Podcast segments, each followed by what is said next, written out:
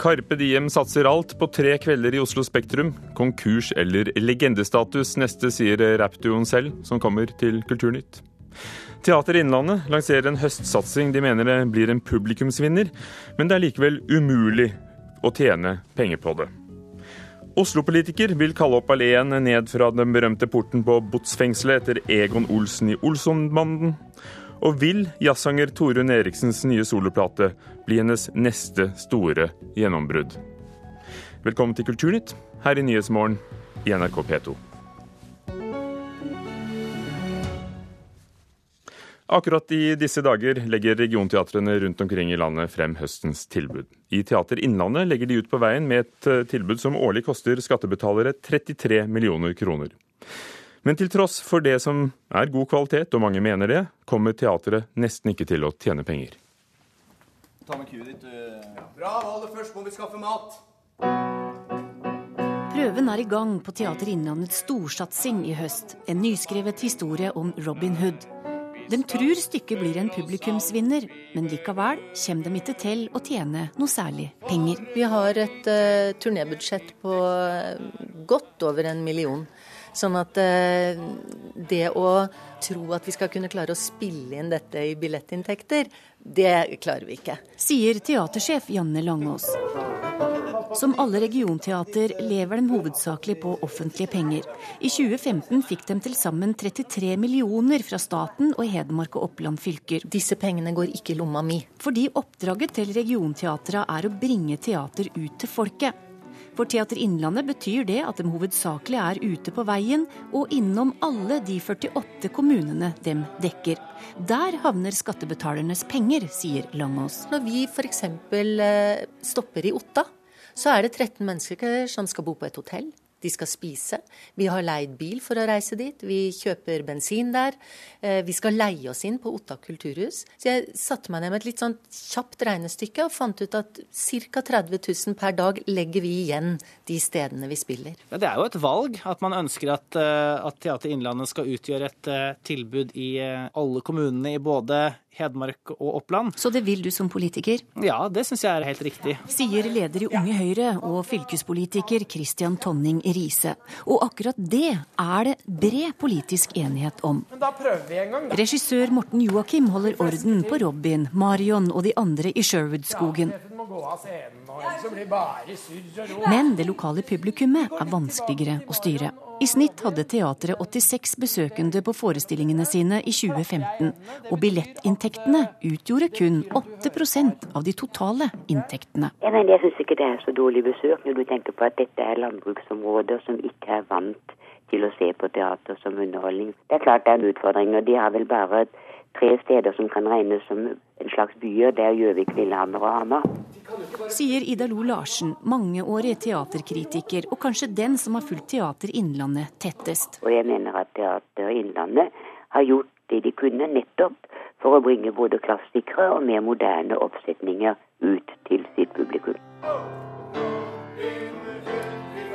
Torbjørn Dyrud fra Østre Toten har komponert musikken til Robin Hood. Dette var et veldig artig oppdrag å få. En av mange lokale kunstnere som får sin del av de offentlige teatermillionene. Det er, det er første gang, og det er veldig moro, for det er noe jeg har hatt lyst til å drive med i mange år.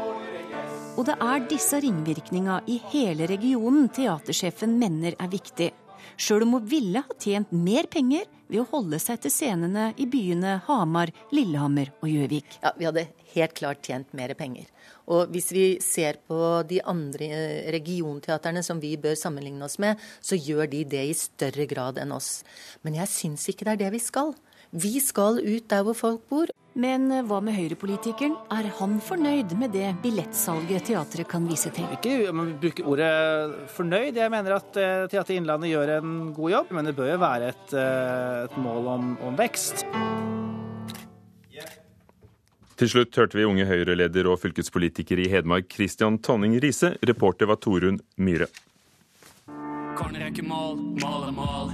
Det er det de lærte meg i Holmenkollen. Og får du ballen, må du holde på'n. Kjøp lag, stående på. Halla Sogndal, halla Jostein Flo. Dette er 100,6 Radio Oslo. Spor, veien som fostermor. Dette er hvor jeg bor ennå. Og jeg var sikker på at jeg skulle bli bonden i bilen min til blodet stivner. Men nå titter jeg på en skjerm med to poder som ligger i fosterstilling. Ah, tvillinger, tvillinger, tvillinger, tvillinger, shit. Carpe Diem avslutter sitt prosjekt Heisan Montebello med den syvende og siste låten og videoen Gunerius, som kom i går. Og I går ble det også kjent at rappduoen har leid Oslo Spektrum til tre konserter i april neste år. Chirag Rashmikant Patel og Magdi Trøyde Abdul Magid, hva vil dere fortelle med Gunerius, som vi hørte her? Um, det er vel en litt sånn oppsummerende låt uh, for vår del og for hele prosjektet. Den handler på en måte både om oppvekst, kjærlighet, fotball, økokrim. Uh, ja, livet vårt. Det er litt av en låt. Ja. Dere har gravd i eh, filmskuffene hjemme for å finne materiale til videoen? Ja, vi har digitalisert så mye VHS og DV-tapes fra Altså det har tatt 32 år å lage denne videoen her. vi, så vi har sett gjennom hele barndommen vår og oppvekst uh, uh, og funnet de klippene vi syns er eh, fine og verdt å dele i denne videoen. Dere har i løpet av nesten et år laget og lagt ut syv låter som eh, video hver gang. Eh, noen av dem er sett eh, over en million ganger. Og i dag skriver Dagbladets kritiker Sigrid Hvitsten at dere er de eneste i Kunst-Norge som klarer å skape en real debatt. Hva er det dere ville med prosjektet Heisan Montebello? Um, Heisan Montebello var egentlig ikke planen da vi gikk i studio. Um, albumet før var veldig mye store følelser. Det hadde skjedd mye. Vi skrev det albumet samtidig som på en måte hele 22. juli, revolusjonen i Egypt, hvor jeg har familie. Uh, jeg gifta meg også. Det var, det var veldig mye store ting, veldig mye store følelser som var i sving da. Så vi ville egentlig lage noe litt sånn litt uh, gladere. Ja. Det, det, var planen. Bare komme ut av alle de tunge følelsene. Og så, så har jo klimaet vært litt, uh, litt uh, annerledes. Hva ble det? Nei, altså vi er egentlig Vi er jo ganske overvelda over til hvilken grad dette her har skapt ja, det hun i Dagbladet beskriver som bred offentlig debatt. Ja, Du, du sto akkurat og leste det nå. Ja, jeg, driver, jeg har det faktisk eh, foran meg. Jeg fikk lest det til Og syns du det stemmer med det dere ville, og hvordan du oppfatter det? Eh, nei, altså, det vi, vi, trodde aldri at det vi snakka om var spesielt kontroversielt. I min vennegjeng er det ikke det. Så eh, om noe så var det egentlig mange av vennene mine som mente ja, men dette er jo helt åpenbare sannheter. Det er ikke noe spesielt uh, det er, ikke, det er ikke så mye pigger på de låtene her. Hva er det dere snakker om? Vi beskriver jo egentlig vår ja, oppvekst og hverdag i 2016. Det er jo egentlig sånn Carpe Diem alltid har vært. En slags dagbok. Eh, ehm, de fleste er smarte, holder dagboka si for seg sjøl. Mens eh, vi spiller den inn og gir den ut. Så Jeg hadde ikke forutsett at det var så mye betente temaer som ble tatt opp. Mm. Eh, det trodde vi virkelig ikke. Ble dere misforstått, syns du, da det ble stor eh, debatt om da dere brukte ordet jøde i en av sangene? Uh, ja. Altså, vi føler jo selvfølgelig at uh, vi har blitt misforstått mange ganger. Men det er vel også en naturlig konsekvens av å ikke være 100 tydelig. Uh, men det er jo heller ikke målet vårt i kunsten å være 100 tydelig. Det er jo ikke kronikker vi driver og gir mm. ut. Tre ganger Oslo Spektrum. 30 000 mennesker, eh, grovt regnet. Eh, hvilken sjanse tar dere? Eh, vi tar eh, Økonomisk er det jo en ganske drøy sjanse, for det er ikke noe plateselskap eller noen ting. Det er bare meg og Magdi som har trykket book-knappen på Oslo Spektrum tre ganger på rad. Um, Sosialt og personlig er det også en ganske stor uh, Ja, det er en ordentlig ja. hva skal det det, magaplask, hvis jeg Sjans for et realt magaplask. Det er det. I april neste år skjer det, og, og, i dag så skal dere selge billetter. Um, det at uh, dere lager en dagbok som mange oppfatter som Dagbladet i dag, den største debatten i Kunst-Norge, er det mulig fordi dere står litt på siden? Fordi du er halvt egyptisk, og du kommer også fra et annet sted, men likevel er du herfra? Ehm, det er vanskelig å vite på en måte hva, hva, hva som gjør at dette prosjektet har funka. Men, eh, men, ja, jeg tror denne merkelige blandingen vi er Altså um, Jeg husker da vi ga ut Hvite menn som pusher 50. Så i en periode da så glemte jo folk at jeg er jo hvit også. Altså, mamma er fra Stryn. Jeg er jo øh, Jeg har liksom Jeg er 50% etnisk norsk. Mm. Um, samtidig som jeg på en måte er araber, muslim, vokste opp på vestkanten, bodde i blokk. Og det samme med deg, liksom. Ikke det samme, men samme merkelige blandinga. Er du en merkelig blanding? Ja, altså, det er ganske mange indre på, plan på, planeten, så jeg vet ikke om jeg er så merkelig, men, eh, men Faktisk det, ganske vanlig. Ja, ikke sant. Så, men eh, det er, det, er, det er, noe i det Magdi sier. Altså, det er utrolig hvor fort uh, man går til å bli hudfargen sin eller religionen sin hvis man kommenterer noe politisk. Og da glemmer folk at vi er, ja, Magdi er først og fremst nordmenn. Men betyr det at du faktisk ser samfunnet rundt deg litt annerledes? Det, det, tror jeg. Det tror jeg. Takk skal dere ha. Chirag, Rashmikant Patel, Magdi Dreide, Abdul Magid. Vi skal høre litt mer fra Rebell. Og det er så lett å være bell i kjellerleiligheten din. Det er så lett å være bell i kjellerleiligheten din. Det er så lett å være bell i kjellerleiligheten din.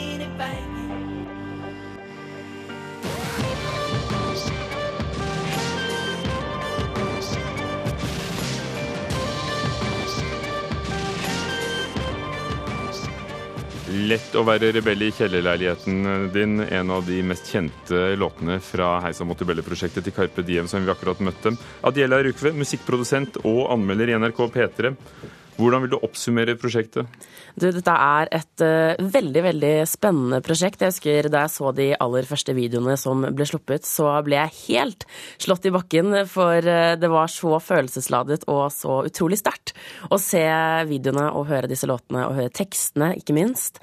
Um, som kjent så er jo albumformatet som vi kjenner det, på vei ut. Det er døende, så artistene nå til dags må jo finne på nye måter å slippe musikk på, og det har jo Karpe Diem gjort eh, ved å slippe singler hver for seg eh, med tilhørende video. Det er ekstremt velregissert og gjennomført, eh, og det er, ja, det er veldig, veldig bra. Så én ting er den regien, men hva bor det i låtene som gjør at eh, folk faktisk lytter til dem? De har dobbeltside i Aftenposten i dag, de står her i Kulturnytt, og de har lastet ned over en million ganger de mest populære låtene på sett over en million ganger på YouTube. Mm. Um, det er jo mange faktorer som spiller inn, men jeg vil jo si at eh, det politiske her er jo i hvert fall det som tok meg mest. Um, det er jo ikke Altså, hiphop er jo ganske nytt i Norge fortsatt, uh, og, og det politiske i hiphop er det jo ikke så veldig mange som har gjort det tidligere her til lands. Um, og det tror jeg er en ting som gjør at folk blir fenget ekstra mye, i tillegg til at Carpe Diem er veldig veldig populære fra før av og lager veldig fengende musikk, selvfølgelig. Hva, hva er de sterkeste og svakeste um, sangene? Jeg syns de aller første er eh, de helt klart beste. Eh, Au pair, Hvite menn som pusher 50, Lett å være rebell i kjellerleiligheten din og Hus, hotell, slott brenner syns jeg er de fire sterkeste. Etter det så falt jeg litt av. Jeg ga attitude-problem med treer hos P3. Den islamske elefanten og Gunerius syns jeg også er noe svakere låter. Selv om albumformatet er rødt, de har porsjonert dette ut, guttene i Carpe Diem, over et år. Blir det likevel en helhet av det? Eh, det vil jeg absolutt si, fordi de er så flinke til å gjøre det her så gjennomført. Da. Eh, alt fra den rosa skriften som går igjen, til videoene som matcher, og selvfølgelig det politiske budskapet som ligger i grunn for alle låtene.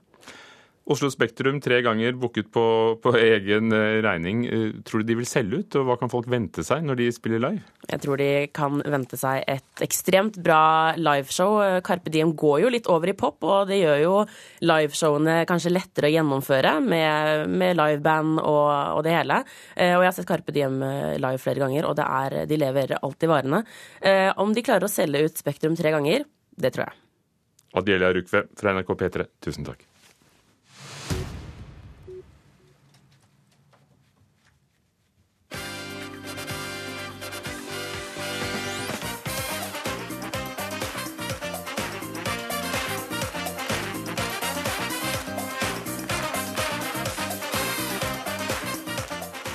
Her hører vi introen til Skal vi danse på TV 2. Programmet er inne i sin tiende sesong og ble det mest sette TV 2-programmet i helgen. Og likevel skriver avisen om seerflukt og dystre tall for kanalen. Reporter Petter Sommer, hva er sammenhengen? Skal vi danse hadde jo riktignok 406 000 seere i helgen, men eh, aldri før har så få sett eh, premieren på programmet. TV 2-nedtur er eh, overskriften i VG, og seerflukt og stjernesmell står det i Dagbladet. Og vi vet jo fra før at TV 2 har slitt med å holde på seerne en stund, men eh, i helga var det som sagt eh, premiere på høstens TV-programmer. Og da var det bare tre TV 2-programmer som var inne blant de 20 mest sette, og det mener TV-ekspertene som avisene da har snakket med, er veldig svakt for allmennkringkasteren fra Bergen. Men TV 2 sier selv at vi bare er inne i den første TV-høstuka, så det er altfor tidlig for dem å snakke om noen seerflukt. Aftenposten i dag skriver om 22. juli-senteret i regjeringskvartalet i Oslo. Nå skal det rives, eller hva? Ja, ikke med en gang, men Statsbygg har jo foreslått å rive det, for det nå skal snart eh, bygges et nytt regjeringskvartal. Men det vil ikke byrådslederen i Oslo, Arbeiderpartiets eh, Raimond Johansen. Han vet at eh, senteret var ment å være midlertidig, men synes det også er viktig å beholde et minnesenter der 22. juli-terroren faktisk skjedde. Og så viser han til amerikanerne som har et helt kvartal i New York for å minnes eh, angrepet på World Trade Center. Klokken er allerede 19 minutter over åtte. Du hører på Nyhetsmorgen i NRK. Overskriften i dag halvparten av alle asylsøkere som kom til Norge i fjor, kan bli returnert til hjemlandet, anslår Utlendingsdirektoratet. Staten bør ikke redde Rygge flyplass, sier samferdselsministeren. Og FN har de siste årene gitt millioner av dollar i støtte til firmaer og personer tett knyttet til Syrias omstridte president, ifølge den britiske avisen The Guardian. Mange har gode minner om Egon, Benny, Kjell og av Valborg. I filmen om Olsenbanden går sjefen selv gjennom den velkjente grønne porten i Botsfengselet i Oslo. Oslo fengsel, som det egentlig heter. Men alleen fra fengselsmurene ned til grønlandsleire har ikke noe navn, og det kan det bli en forandring på. Har du sett en Olsenbanden-film, har du nok sett scenen hvor Egon Olsen går ut av porten på botsfengselet og blir møtt av en vinkende velkomstkomité. Men den kjente alleen som går fra fengselsmuren og ned til grønlandsleir i Oslo, har ikke noe navn. Det ønsker bystyrerepresentant fra Fremskrittspartiet Petter N. Myhre å gjøre noe med. Han vil døpe veien Egon Olsens allé.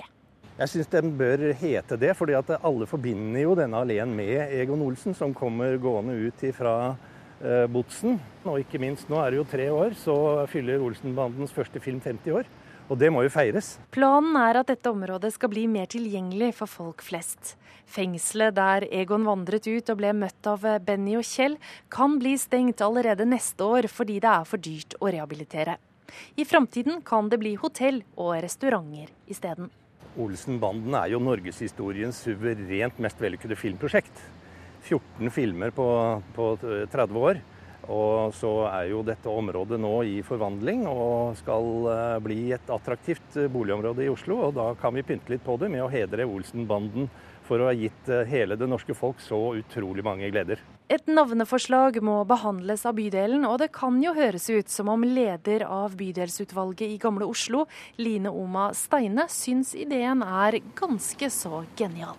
Syns det er et veldig spennende forslag. Vi ønsker jo at dette området skal brukes av folk som bor her. Og da er det veldig bra med et navn som klinger godt, og alle forbinder denne alleen med Egon Olsen. Det er en ganske god sjanse for at det blir Egon Olsens allé nedover her? Jeg tror at det kan være gode muligheter for det. Reporter Kaja Figenschou på Grønland i Oslo. Rogaland Teater har bygd om hele teaterhallen sin for å få vind og vann inn i Hamsun-klassikeren 'Markens grøde'. Menneskets forhold til naturen og forholdet til det moderne industrisamfunnet står sentralt i stykket, og er dermed veldig aktuelt i Olje-Norge, mener de involverte. Fra scene 20. Tre store vifter blåser kunstig vind inn i scenerommet ved Rogaland teater, der Tatu Hemmelainen er instruktør. Naturen det er en ganske stor del. så for meg Når jeg leste boken, så, så for meg naturen er nesten hovedkarakter. Hele teaterhallen, som egentlig er en blackbox, er nå dekket av lys kryssfiner fra gulv til tak. Den er återvinningsmateriale, så at det er sånn tanke om miljø og økologisk tenke. Og også jeg tenkte når jeg leste Markedsgrøda første gangen, så jeg tenkte så her vil jeg leve. Sier Hemmelainen, som sammen med Tora von Platen har skrevet et helt nytt manus basert på Knut Hamsuns berømte roman om bonden Isak Sellanrå, med premiere 10.9. Vi har begynt å sette opp, eh, begynt med arbeidet med å sette opp stolper til kabelen. Ja, har ikke du våron? Det har ikke vært mange store teateroppsetninger av romanen som Hamsun fikk Nobels litteraturpris for i 1920.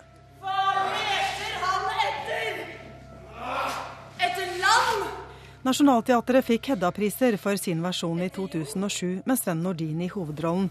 I Stavanger spilles både Isak, Inger og de andre karakterene av flere skuespillere, forteller Hemmelainen. Det er ikke bare den der hvite heteroseksuelle mannen som har bygd dette landet. Det fins andre krafter, som andre mennesker som har bygd dette landet. Så. Hvem skal jeg snakke med her? Jeg har uh, løpt bort fra meg selv da jeg flytta fra byen. Mennesket og naturen bombarderer ikke hverandre. De gir hverandre rett. De konkurrerer ikke, kappløper ikke, de følges ad, skriver Hamsun i Markens grøde. Og skuespiller Ingrid Rusten er fascinert over kraften i romanen. For det er kanskje både en hyllest, men også en, en kritikk til hvordan vi Eller en, et spørsmål hvordan er det vi mennesker bruker jorda. Hva er det for noe du har med? En nymotens kaffetrakter monteres i en scene. For Markens grøde handler også om industrialisering, om nye verdier, om utvikling på godt og vondt, sier Hemmelainen. F.eks. gruvene stengs i boken. Så det blir mye arbeidsløshet, og hva skal vi gjøre nå? Ganske så overførbart til uh, Olje-Norge, og dens ups and downs. Reporter Anette Johansen Espeland.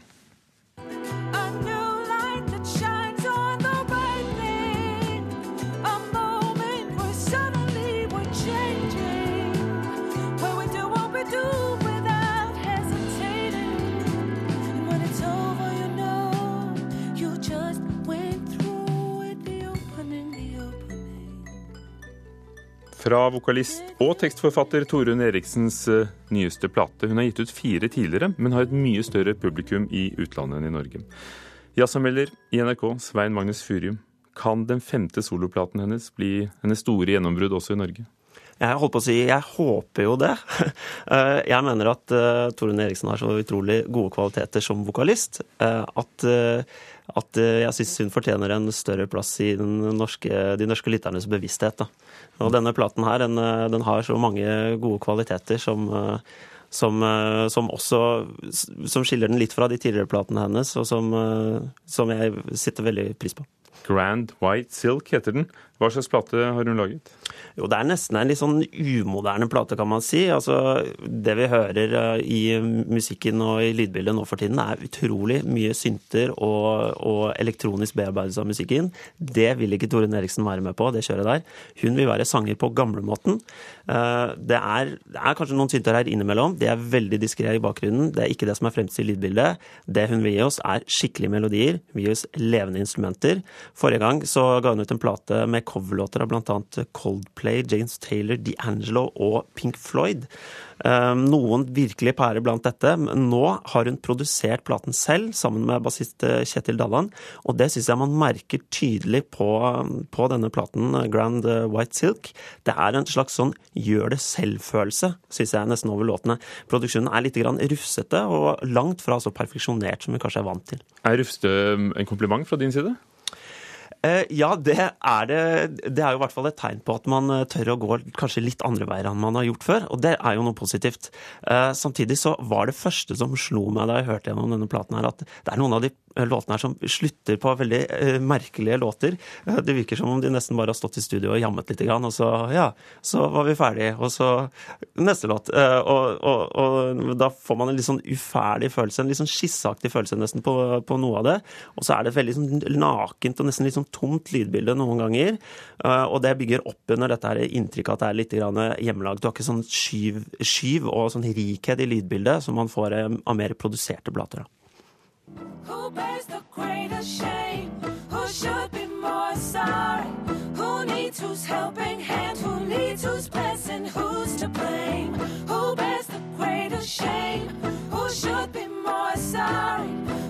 needs who's helping hand. This one stands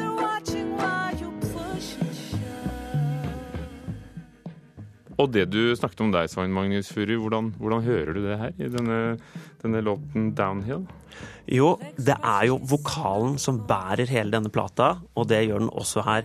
Eh, Den er ganske sparsomt instrumentert. Her er det bare litt sånn svakt trommer, eh, litt grann forsiktig bass og litt klimpring i bakgrunnen. Det er vokalen som virkelig står fram på denne plata som det store, og det er det som jeg tar med meg fra denne plata her, først og fremst, altså. Vil Grand White Silk, altså tilbake til utgangsspørsmålet, bli Torunn Eriksens store gjennombrudd også i Norge? Ja, det er disse her små ujevnhetene som jeg sier, som, som gjør denne plata ikke så veldig umiddelbar. Men det er en plate som vokser på deg, og det er en plate som jeg syns eh, folk burde gi en, en eh, ærlig sjanse. Hun har, hun har også disse gode melodiene som jeg snakker om. Hun har tekster som har en ganske sånn eh, ganske store universelle temaer. Eh, det, er, det er kjærlighet, men ikke på den hjerte-smerte-måten. Eh, du har liksom fiksjon mellom eh, tro og fristelser. Og du har savn og tap og sånne type ting, ting som mange kan relatere seg til. Eh, Hun går liksom inn i et slags sånt, mer sånn voksenpop-segment, som eh, befolkes av folk som Silje Negård og, og James Taylor og sånne type artister. Eh, Og der tror, jeg er, der tror jeg hun har en sterk appell, og jeg håper at denne platen her når ut til mange norske lyttere. Takk, Svein Magnus Furu.